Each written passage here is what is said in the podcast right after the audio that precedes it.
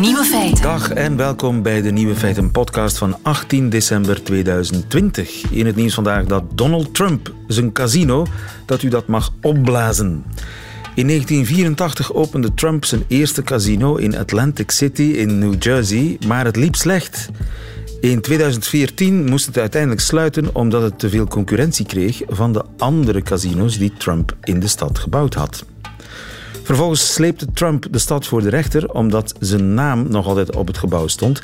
En dat zou slecht zijn voor zijn imago. Want na jarenlange verwaarlozing kwamen delen van de gevel naar beneden die vielen op de promenade die langs het casino loopt. De burgemeester heeft er nu genoeg van en wil het gebouw laten slopen. Op 29 januari zal dat gebeuren met explosieven. En omdat veel mensen met een grote knal graag afscheid willen nemen van de president, heeft de stad nu een online bieding opgezet en de hoogste bieder mag op de knop drukken. En het casino opblazen. Waag uw kans. De andere nieuwe feiten vandaag. We maken de beste boektitel bekend volgens de luisteraars van Radio 1. De beste boektitel aller tijden in het Nederlands. Sander van Horen, de NOS-man in Brussel, stelt vast dat de Nederlanders aan het verbelgen zijn. En we testen of je van drank beter Engels gaat praten. De nieuwe feiten van Nico Dijkshoren hoort u in zijn middagjournaal. Veel plezier.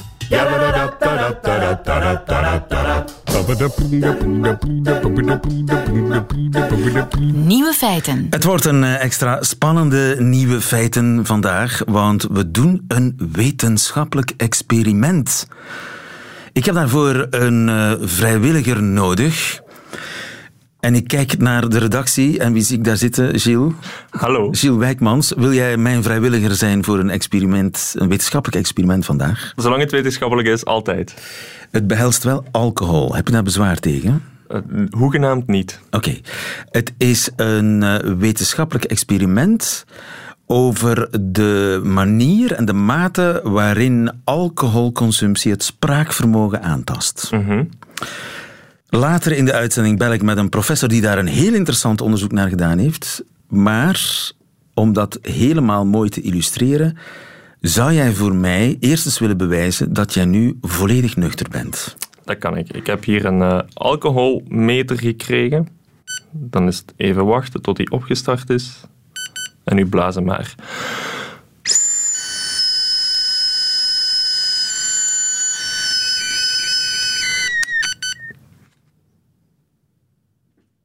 Wat zegt het? Eh, ik denk dat je blij zult zijn om te horen dat ik nuchter kom werken. 0,00.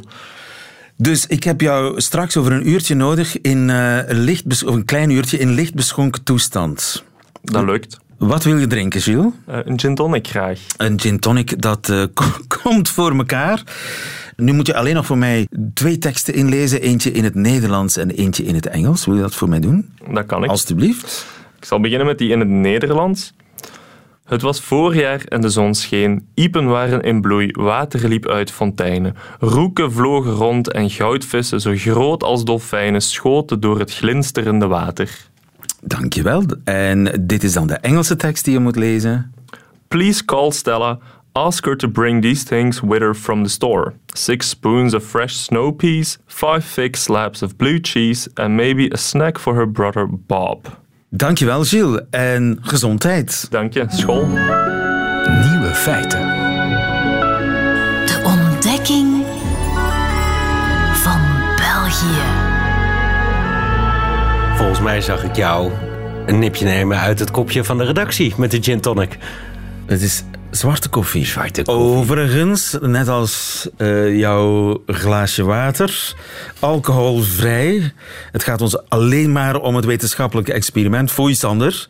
Sander van Horen, NOS-man in Brussel, woonachtig in Schaarbeek. Zeker al een paar jaar. En uh, van daaruit ons land aan het ontdekken. Iedere week kom je daar verslag van uitbrengen. Sander, wat is deze week jouw besluit? Oh, ik word deze week helemaal warm en fuzzy van het beeld wat ik toch in de laatste weken van het jaar begin te krijgen... dat de Nederlanders eigenlijk Belg blijken te zijn... maar dat het toch ook een Belg is die ook een halve Nederlander bleek te zijn. Leg uit. Waar zal ik mee beginnen? bij het begin? Nou ja, ehm, eh, in het begin leken die verschillen nog heel duidelijk in het woord van het jaar. Hè?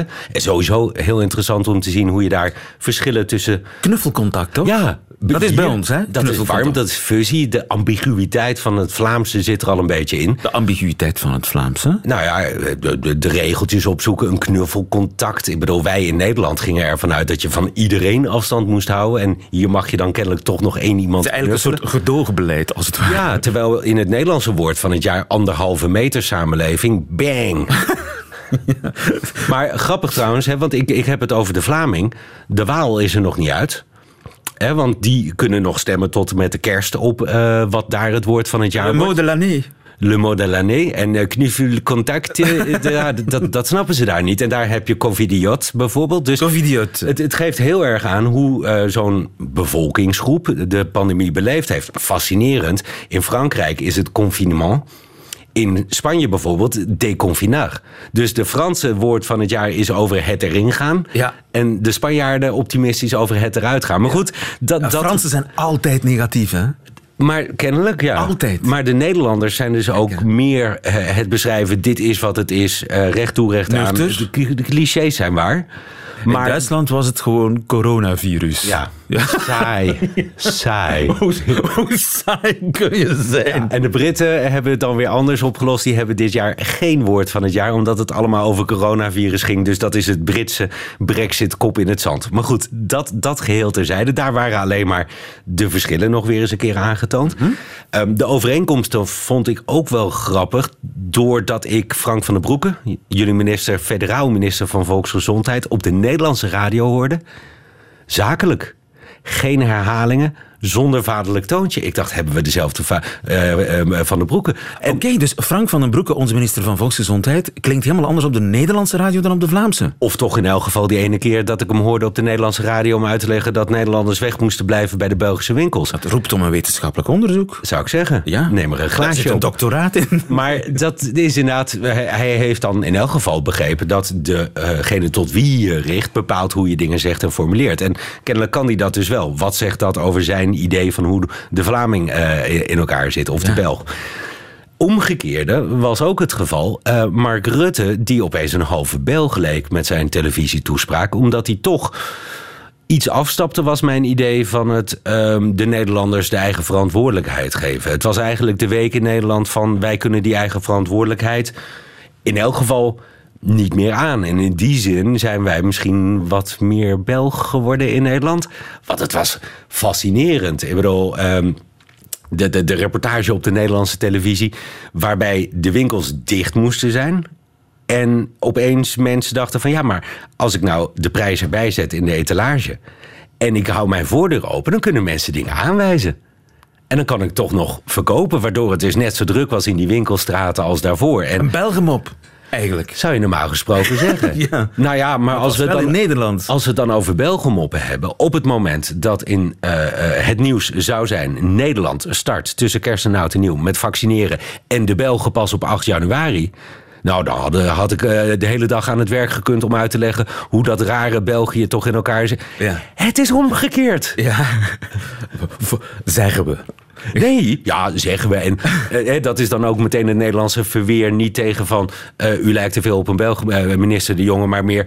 de, de, we, doen niet aan symbool symboolinentingen. En dat is dan impliciet het verwijt dat dat in de rest van Europa wel gaat gebeuren. Maar het is juist het symbool van we starten zodra het kan. Vanaf de eerste covid-besmetting in je land... ben je toch al rekening aan het houden of aan het hopen op een vaccin. Je zei, ik zou de opdracht hebben gekregen om daar uitgebreid over verslag uit te doen... Dus daar zijn de Nederlandse kijkers dol op, op verhalen van sukkelende Belgen. Ja, ja, terwijl wij, ik bedoel, als je dit al een Belgemop vindt, dan ken ik er nog eentje, een omgekeerde Belgem op. Op het moment dat er dus in België een lockdown zou zijn. En een van de bestuurslagen zou daar dwars tegenin gaan en tegen bepaalde winkels zeggen van nee, maar jullie mogen morgen wel open. Moet je gewoon die Is dat in Nederland worsten wat naar voren leggen en die onderbroeken wat meer naar achteren.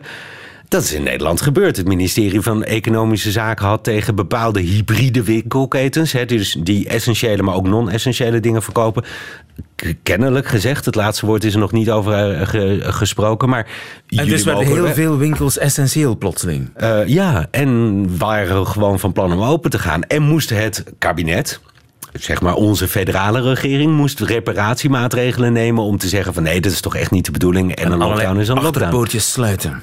Had het omgekeerd geweest, dan hadden wij gezegd van... oh god, heb je die Belgen weer.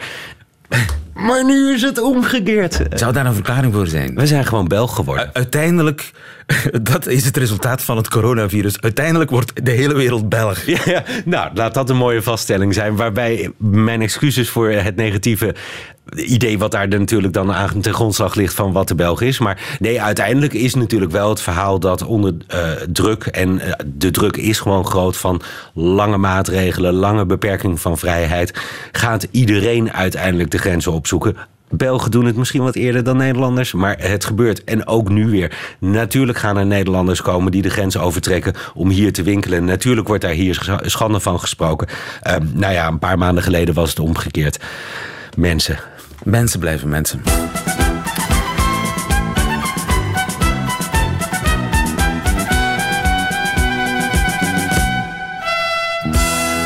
Examen Vlaams.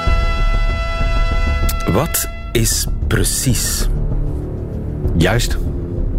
Exact. Exact, ja. Maar er is een typisch Vlaamse tweede betekenis van precies.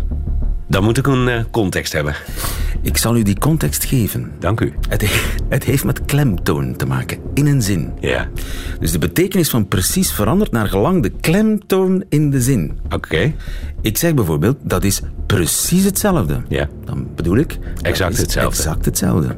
Maar ik kan ook zeggen, dat is precies hetzelfde. Ja, dat is dus tegenovergestelde, juist niet hetzelfde. Goed gegokt, maar het is het niet. Nee. Dat is precies hetzelfde. Zoals ik ken die kerel precies. Je zei precies moe. Ja, precies. Je zei precies een beetje verdikt. Ja, maar hoe vertaal je dat? Er is precies niet veel volk vandaag. Nee, ik, ik, ik weet ehm, wat je bedoelt. En je hoort het ook vaak, maar... Goh, en wat bedoel ik? Ja, wat bedoel je? Je bedoelt ehm, dat je verbaasd bent dat het er is, eigenlijk. Nee. Nee, toch niet? Oké. Dit betekent, ik heb de indruk dat... Het geeft een indruk weer. Ja, ja, oké. ja. Je lijkt wel een beetje bijgekomen of aangekomen. Ja. Je zei precies een beetje verdikt. Ja, ja, ja precies. Ja. Het is precies niet veel volk. Het lijkt wel alsof hier niet zoveel volk is. Ik zou hem hebben kunnen gebruiken zelfs inmiddels, maar dan, dan intuïtief. Dus zonder... Er is eigenlijk geen exacte vertaling, geen precieze vertaling van de Vlaamse betekenis van precies. Nee. Woord op Blijkbaar, ze komt een beetje in de buurt. Maar dat is het toch niet. Nee. Ambiance. Eh, sfeer. Ja, maar wanneer zeg je dat? Wanneer zeg je dat? Maar ambiance is eigenlijk sfeer, inderdaad.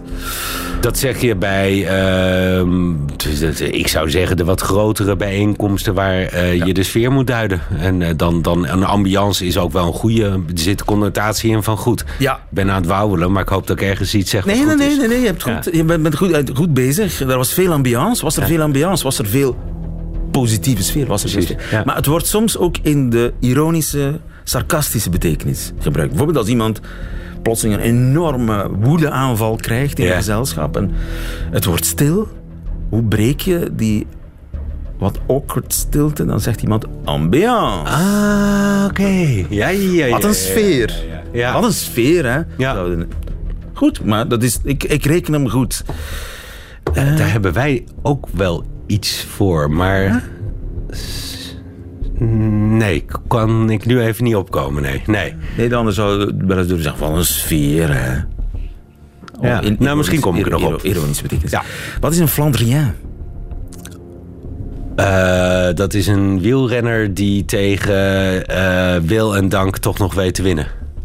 Ik reken hem goed. Ik, eh, eh, je bent geslaagd deze week. Een Flandria is eigenlijk een wielrenner die niet zozeer op tactiek, maar op doorzetting ja, precies. Stoempen. Ja. Stoempen, dat is het. Ja. Brik Schotten is de oer-Flandriaan ooit, West-Vlaming. Eh, je mag met een glimlach en een trots gevoel... Aan de champagne. Aan de, aan de gin tonic of aan, de, de champagne. Tonic, ja, precies.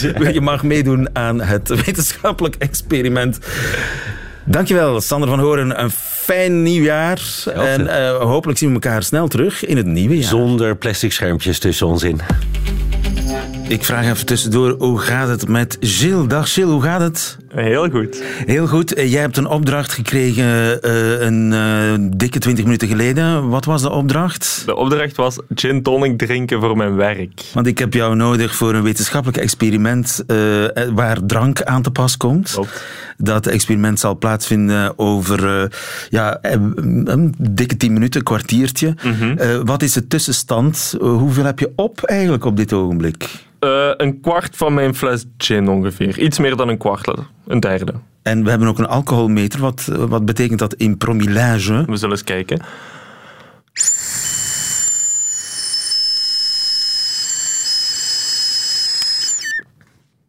Hij is aan het berekenen. En nog aan het berekenen. Hoe voel je je, ziel? Ik moet zeggen dat ik hem wel al voel. Ja, dat, kan ik mij wel voorstellen. Ik, kan niet zo goed, uh, niet zo bijster goed drank. 0,34. 0,34? Ja.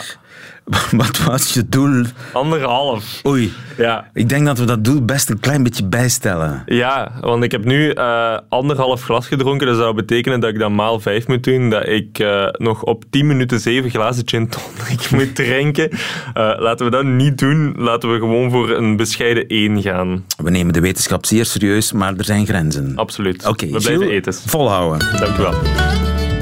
Nieuwe feiten. Ja, als dat maar goed eh, afloopt. Kersttijd, gin tonic tijd, ijsjestijd, lijstjestijd. We maken de balans op onder de kerstboom. Beste film, grootste blunder, persoon van het jaar. En een lijstje dat bij ons nog niet bestond, tenminste niet bij ons weten, is dat van beste boektitel. En dus deden wij een beroep op u om uiteindelijk te kopen, komen tot een top 25 van de beste boektitels aller tijden. Oorspronkelijke Nederlandse titels, dus geen ondraaglijke lichtheid van het bestaan of Heart of Darkness. Christophe Feekman, goedemiddag. Goedemiddag, lieve. Je bent schrijver en de voorbije dagen hebben we, we samen met jou gezocht naar een eh, recept voor een goede titel. Ja. voor zover ik mij herinner, een titel moet zijn ritmisch, raadselachtig, niet te ingewikkeld en het boek op de een of andere manier samenvatten. Is er iets wat ik vergeten ben? Nee, dat zal het wel ongeveer zijn, ja. ja. ja een beetje humor is ook altijd eh, is nooit weg natuurlijk ook. Hè. Ja. Eh, humor is een, een plus. Een vraagteken kan ook wel eens Ja, een beetje een aparte titel. Hè. Dus zijn er kanalen in Aalst, hadden we, van Brusselmans, die dus een, een vraag stelt. Maar je hebt bijvoorbeeld ook die titel Kaas van Willem Elschot. Is een beetje een rare titel, omdat die zo apert niet literair is. Hè? Dus je zou niet denken dat dit nu een meesterwerk uit de Vlaamse moet Er moet een beetje een verrassing in zitten ook. Ja, dus dat, had, had, ik er nog eh, moeten aan toevoegen. Jouw persoonlijke mhm. favoriet, die ken ik al. Op weg naar het einde van Gerard Reven. Mhm. al vind ik van Hermans door gevaarlijke gekken omringd ook niet slecht. Door gevaarlijke gekken omringd. Ja. inderdaad. Is misschien jouw twee. Wat is jouw nummer drie eigenlijk? Ja, ik heb altijd gelijk van Hermans, vind ik toch ook wel een, een heel goede. Ja. Nu eens kijken of die in onze top 25 zitten. Goedemiddag, Mathias. Hey. Matthias van de redactie van eh, Nieuwe Feiten. En alcoholvrij vandaag. Ja, eh, helemaal alcoholvrij. Ja, voorlopig. Hoeveel mensen hebben eigenlijk gestemd de voorbije dagen? Bijna 500 mensen hebben gestemd. Ehm, mensen mochten meer dan één titel insturen. Dus er werd gevraagd om een favoriete titel in te sturen. En dan mochten ze nog een lijstje. Dus die 500 mensen hebben bijna 500. Eh, Dat is behoorlijk veel. Dat is behoorlijk veel. Er niks te winnen. Nee, het was, allemaal voor de goede zaak. Eh, voor de goede zaak. Voor een, eh, een beetje glorie. die, die 500 mensen hebben 1500 titels ingestuurd. Waarvan ja, toch bijna 500 unieke titels ook. Ja, dus, ja. dat is wel een behoorlijke oogst. Er zaten veel verrassingen tussen, ook voor ons. Verrassing, noem eens een verrassing. Ehm, ik ga meteen een, verrassing meegeven die ehm, in de top 25 staat. Want we hebben een top 25 gemaakt. Eh, voor mij alleszins een verrassing. Uit het raam springen moet als nutteloos worden beschouwd. Uit het raam springen moet als nutteloos worden beschouwd van Fernand Auera. Mhm. En dat is niet meteen, eh, Christophe, een seller hè? Nee, inderdaad. Ik ben heel blij dat hij erin staat. Zij het pas op de 24e plaats. Maar toch, Fernand Auwera. Ik zei er net een beetje, humor is nooit weg. Wel, dat zit hier heel duidelijk in. Een andere fantastische en even geestige titel van Auwera is trouwens... Schrijvers drinken om helder te blijven. Eh, in, over gin tonic gesproken. Ja. Ehm, en het is een beetje een Bob den Uil-achtige titel. Ik denk nu aan die titel van Bob den Uil, een Nederlandse schrijver. Gods wegen zijn duister en zelden aangenaam. Ja, onderschat schrijver. allemaal in diezelfde categorie. Zo wat, Absoluut onderschat schrijver Bob den Uil. Eh, andere verrassing is natuurlijk dat mensen hun eigen boek insturen, hun eigen boektitel. Dat hebben we ook meegemaakt, hè, Matthias? ja, er, er, waren twee mensen die, die hun eigen boek hebben uh, ingestuurd. Dromomania. Dromomania? Dat is één van de titels. Niks mis ehm, mee. Um, dus een boek dat nog moet verschijnen. Dat, dat kan je nog niet kopen, maar zou moeten verschijnen eind eh, volgende maand. En de andere titel was Het nest van het wondervliegtuig. Het nest van het wondervliegtuig. Oké, eh, wat valt er nog op? Verhouding Vlaanderen-Nederland, hoe zit het daarmee? In de top 25 is er licht overwicht voor de Vlamingen. 13 Vlamingen, 12 Nederlanders. 50-50 mogen we dat Laten we zeggen, eh, als je het op, op alle titels die zijn binnengekomen bekijkt, zijn er iets meer uh, Nederlandse titels. Ehm, het heeft ermee te maken dat er, eh, als het gaat over diversiteit, zijn er meer Nederlandse titels, maar de Vlaamse titels hebben iets meer stemmen gekregen vandaar. Juist, ja. En zijn er schrijvers die meer dan één keer oh, de top Ja, halen? veel. Er staat zelfs één iemand twee keer in de top 25, dat is Willem Frederik Hermans. Aha. Ehm, en, met welke titel? Ehm, nooit meer slapen? Eh, nooit meer slapen en met De Donkere Kamer van Damocles. Die, die, die twee titels staan in de top 25. Ehm, als het gaat over de kampioen van het meest eh, of het grootste aantal verschillende titels, eh, is het Brusselmans. zijn er kanalen in Aalstes binnengekomen? Het zinneloze zeilen, vertrouw mij, ik kom uit de veehandel, ik ben rijk en beroemd en ik heb nekpijn en watervrees tijdens een verdrinking. Ja, Herman is een kampioen, een titelkampioen, hè? Christophe? Ja, dat zei je al. De titels zijn heel belangrijk en daar heeft hij zich aan gehouden. de kus in de nacht vind ik ook prachtig. Ehm, en overigens de voorganger van zijner kanalen in Aalst. Heden ben ik nuchter. Ja. Het is ook een ja. onvergankelijke een titel. Thema-uitzending wordt het vandaag. Nu, zijn er opvallende afwezigen, grote kleppers die we niet terugvinden in de top 25 en die ook nauwelijks genoemd worden? Ehm, ik vind, ja, Stefan Hertmans bijvoorbeeld komt eh, niet voor in de eh, top 25. Tom Lanois ook niet. Eh, Louis Paul Boon staat er ook niet in. Connie Palmen? Connie Palmen staat er ook niet in. Die, die zijn wel een aantal keren binnengekomen, maar die titels krijgen dan niet genoeg stemmen om in de top 25 te staan. Verbaas je dat, Christophe? Ja, ik ben nu aan, aan, aan het, bij mezelf aan het eh, nagaan. Ja, dat zijn eigenlijk geen eh, titelschrijvers. ja, natuurlijk. Ja, de... ja, de wetten, ja. IM, tja. Uh, de vriendschap had nu misschien nog gekund, maar echt spectaculair is dat niet natuurlijk. hè? de ene schrijver besteedt meer aandacht aan de titel dan de andere. en... bij, bij Boon zou je kunnen gokken op Mieke Maaikes zene jeugd. Maar daar moet je mee opletten. Dat zei Hugo Claus trouwens ooit in verband met een titel van Daniel Robberechts. De grote schaamlippen. Zei Klaus, ja, de grote schaamlippen, dat kan misschien wel wervend zijn voor een deel van het lezerspubliek, maar dat is toch een slechte titel, want geen mens gaat ooit de boekwinkel binnen en vraagt aan de juffrouw aan de kassa, eh, heeft u ook de grote schaamlippen in huis? Dus ja, dat is toch weer Dat dus goed gezien. Goed gezien van Hugo Klaus. ja. Eh, ja, en een schrijver heeft een winkel. Zo is het. Zo is het. Zullen we dan maar meteen met de top 5 beginnen? of afronden dit gesprek. Eh, Matthias, wat staat er op 5 in de Radio 1 Top 25 beste titels aller tijden? Op 5 staat Vele hemels boven de zevende. Van Griet op de Beek. Goeie titel, hè, Christophe. Ja, een euforische titel. Hè? Dus daar word je meteen, dan denk je van ja, dat wil, daar wil ik ook zijn. Dus dat is eh, in die zin eh, met een heel positieve lading. Ja. En ook wel redelijk goed gevonden natuurlijk. Hè? Griet op de Beek is goed in titels, dat weten we wel zeker. Op vier. Het smelt van Lise Spit. Geen verrassing, denk ik hè? Nee, daar hadden we het eh, vorige uitzendingen al even over. Eh, het smelt. Ja, het is, ook een beetje, titel. Ook wel een beetje Je wil weten wat er smelt. In, zo van. Ja, het is wat, humor in. Dat smelt. Het is een verrassing. Het is toch niet ingewikkeld. je onthoudt hem. Perfect. Trouwens, die nieuwe is ook, is ook goed getiteld. Ik ben er niet, vind ik ook goed. Omdat ze toch overal is. Hè? De top drie. Ik had eigenlijk spanningsmuziek moeten hebben. Ja. Maar goed, wat staat er op drie, Matthias? Op drie staat Het verdriet van België van Hugo Claus. Daar ben ik ook blij om. Ja, ik ben er ook wel blij om, omdat het een fantastische titel is, omdat het ook zo'n geweldige ambitie uitspreekt. Het is niet het kleine leed van Lokeren, het is het verdriet van Het kleine leed van Lokeren vind ik een goede titel. Ja, maar dat zou meer voor een novelle zijn. Dus dit is het Waar wacht je op? van Klaus. is toch een beetje jouw, jouw geboortestreek, nee? Ja, min of, meer. Ja. Eh, nou, kruipen in Kruibeken, zoiets. Kruipen in Kruibeken. wauw, het, rolt eruit alsof het niets kost. Op nummer twee, Matthias. Op twee, de ontdekking van de hemel. Harry Mulisch, De Ontdekking van de Hemel, een classic. Het, mooie vind ik hier ook dat het illustreert waar het Mulisch in zijn oeuvre om te doen was, namelijk alles met alles te verbinden. De Ontdekking van de Hemel, eh, een roman uit 1992, die heel nadrukkelijk knipoogt naar een ander Mulisch boek uit 1980, het filosofische werk De Compositie van de Wereld. Dus het is een soort van spiegel, eh, spiegeltitel, ja.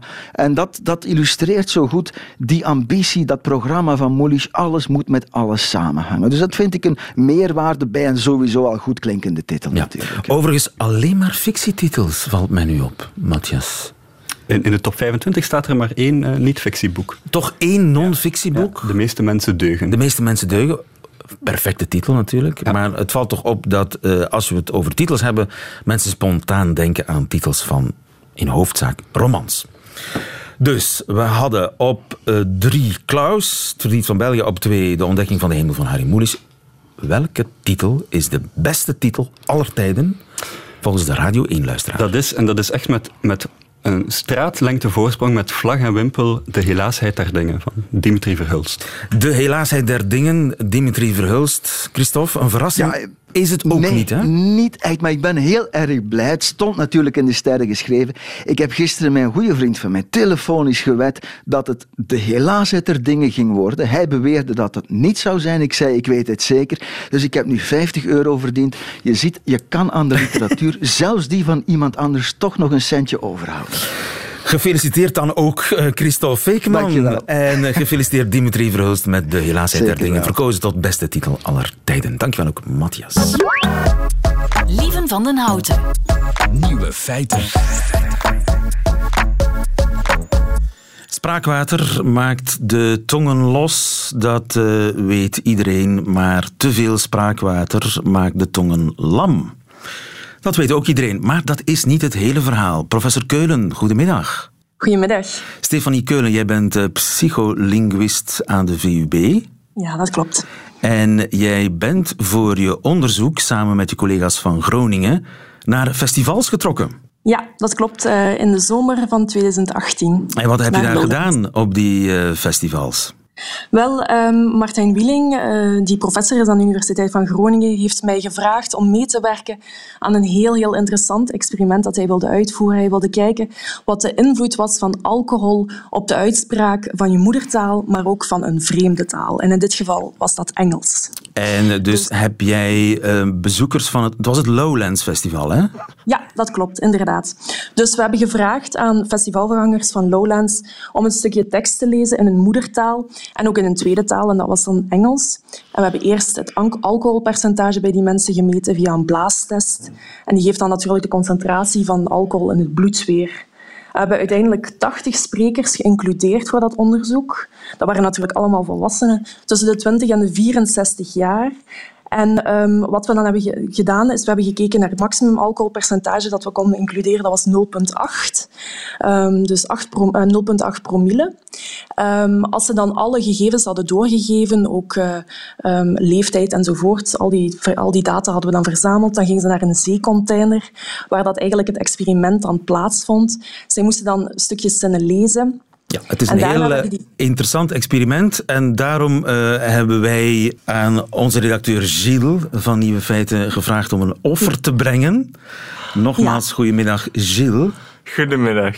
Gilles, jij, we moeten daar eerlijk in zijn. In onze opdracht ben jij behoorlijk in de gin tonics gevlogen. Lokaal, ja. Het voorbije uur. We hebben ook een alcoholmeter. Ja, wacht. Hij is nu aan het aftellen. Oké, ik kan nu de test doen.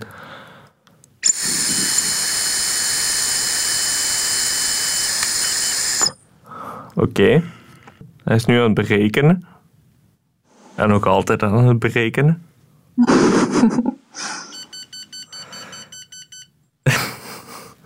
Ik zit nu aan 1,8. Oei. Ja. Oei, oei, oei, oei. Je, ja, je bent iets te enthousiast geweest. Ik zit wel goed, denk ik, voor het experiment. Eh, we hebben de tekst die je hebt eh, gebruikt voor je experiment op Lowlands. Die mhm. hebben we hier voor ons. Kun jij eens even die tekst lezen in het Nederlands? Dat kan eh, ik. Het was voorjaar en de zon scheen. Iepen waren in bloei. Water liep uit fonteinen. Roeken vlogen rond en goudvissen, zo groot als dolfijnen, schoten door het glinsterende water. Oké, we hebben een uurtje geleden dit opgenomen van jou. Het was voorjaar en de zon scheen. Iepen waren in bloei, water liep uit fonteinen. Roeken vlogen rond en goudvissen, zo groot als dolfijnen, schoten door het glinsterende water. Ja, eh, Stefanie, zou jij zeggen dat uh, Gilles merkbaar gedronken heeft? Eh, ja, als spreker van Nederland en als beoordelaar van het Nederlands, hier in dit geval zeker wel, ja. We hebben het experiment ietsje te enthousiast gedaan, denk ik, Gilles. Zou jij de Engelse tekst eens willen lezen? Yes, I can. Please call Stella. Ask her to bring these things with her from the store six spoons of fresh snow peas, five thick slabs of blue cheese, and maybe a snack for her brother Bob. Zo, dat ging net. Eh, in nuchtere toestand klonk je zo. Please call Stella. Ask her to bring these things with her from the store six spoons of fresh snow peas, five thick slabs of blue cheese, and maybe a snack for her brother Bob. Ja, Stefanie, hoe quoteer jij de prestatie van Gilles op het Engels? wel iets beter. Hè? Ehm, in die zin, dat is eigenlijk ook iets wat wij hebben gevonden in, het, eh, in de studie die we hebben gedaan, ehm, dat het zo is dat als Engelse beoordelaars, Engelse moedertaalsprekers naar het Engels luisteren van die tweede taalsprekers, dus hier ook in dit geval eh, van je collega, eh, maar zelfs moedertaalsprekers van het Nederlands, dan zeggen die eigenlijk dat er niet echt een groot effect is van alcohol op dat accent in het Engels. Dus we kunnen niet zeggen dat het merkbaar beter wordt, maar het wordt ook zeker niet slechter door ehm, het alcohol nuttigen. Dus het is niet zo dat je door alcohol te drinken beter Engels gaat spreken, maar je kunt beter verbergen dat je wat op hebt. Inderdaad, inderdaad. Ja, absoluut. En dat konden jullie eh, merken bij jullie proeven in, eh, op die festivals. Is daar een verklaring voor? Wel, er zijn er eigenlijk ehm, twee hypotheses voor. Eentje is denk ik ehm, ja, een hypothese die wat meer bekend is. Dat is namelijk de hypothese van de spreekangst, die een beetje zou wegvallen door eh, het nuttigen van alcohol, omdat dat dan een invloed zou hebben op aandacht en op emotie. Dus de angst om te spreken zou een beetje wegvallen. Nu, natuurlijk is daar ook wel een limiet. Hè. Als je te veel eh, alcohol nuttigt, dan eh, gaat die hypothese eigenlijk ook niet meer op. Wij hebben eigenlijk ook een vragenlijst gegeven aan onze deelnemers. En we hebben ook gezien dat dat voor hen eigenlijk geen significante invloed leek uit te oefenen op ehm, ja, de, de manier waarop dat zij gepercipieerd werden. Ehm, dus dat leek bij ons geen invloed te hebben, die spreekangst. Een andere verklaring is dat je eigenlijk een beetje de controle over je spraakbewegingen verliest. Ehm, door alcohol ga je bijvoorbeeld wat trager gaan spreken en dat leidt soms tot een andere impressie van de uitspraak. Bepaalde klanken gaan wat trager uitgesproken worden of misschien op een andere wijze in elkaar overvloeien. Ehm, zodat de intonatie en de melodie misschien wel wat anders kan klinken. Ehm, maar wat ook eh, gebeurt, is dat je natuurlijk altijd, als je met twee talen in je hoofd zit, dat je eigenlijk ook de klanken van je moedertaal in je hoofd um, aanzet ergens als hij begint te spreken in een andere taal.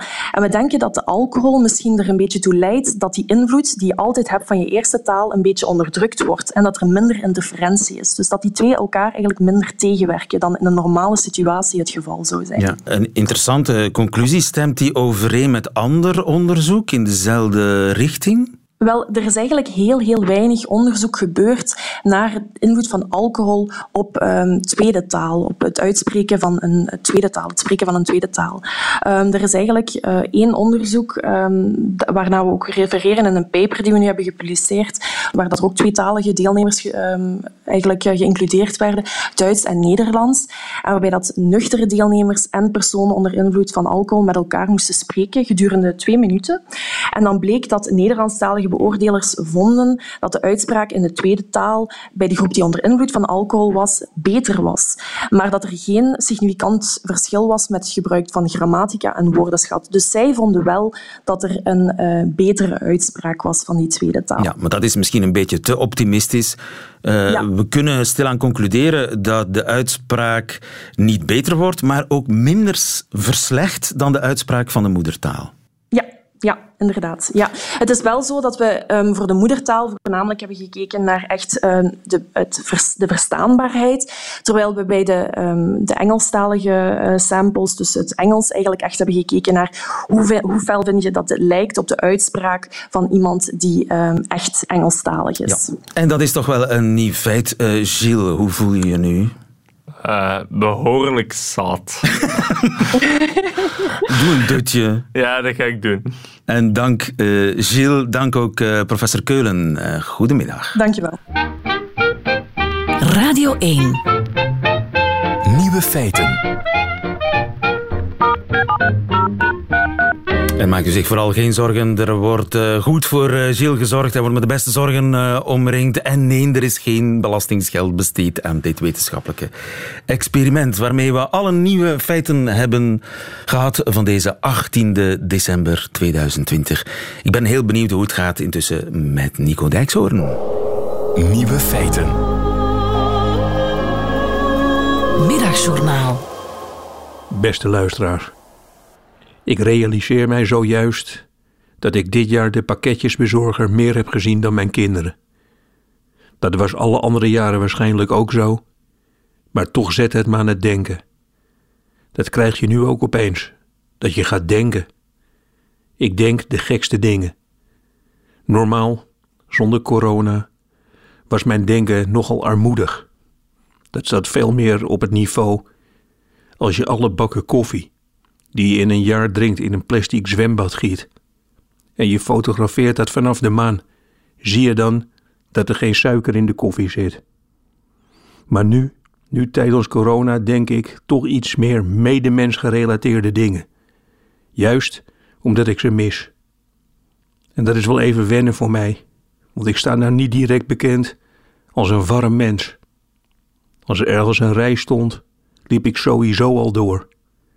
Ik weet niet waarom het is, maar wachtende mensen in een rij, die heb ik nog nooit over de opwarming van de aarde horen praten. Het gaat tien van de tien keer over iets op de televisie, of dat alles steeds duurder wordt en niet goedkoper. Maar nu ik de mens niet meer zie, voel ik me heel erg schuldig over dat kluizenaarsgedrag van mij. Als het weer mag, lekker door elkaar krioelen in een winkelstraat met allemaal dezelfde winkels, dan ga ik mensen voortaan duidelijker laten horen dat ik ze waardeer en dat ik ze zelfs heb gemist. Het worden geen omhelzingen, maar ik ben wel van plan om gewoon in het wilde weg mensen te gaan complimenteren. En dat kan van alles zijn. Mensen zijn blij met niks.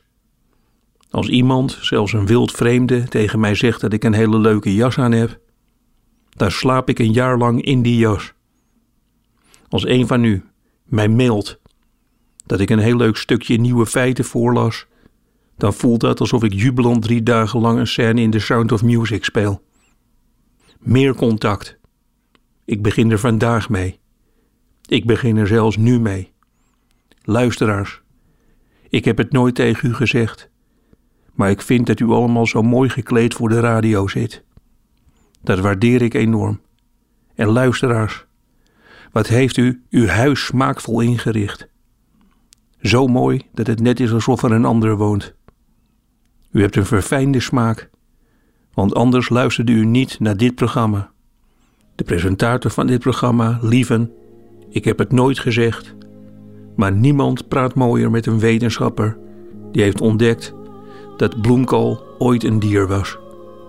Ik wil hier specifiek tegen Jan de Mol die al mijn praatjes hier netjes in deze show plakt, zeggen: Jan, wat heb je mooie handen, jongen? Met nagels en zo. Luisteraars, laten wij meer met elkaar gaan praten. Ik zeg het er voor de zekerheid toch nog maar even bij.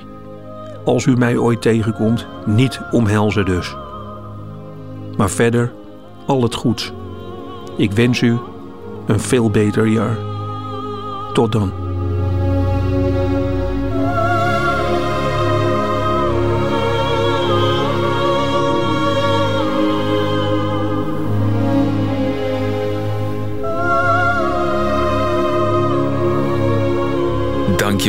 Nico Dijkshoren En overigens, rood staat je geweldig.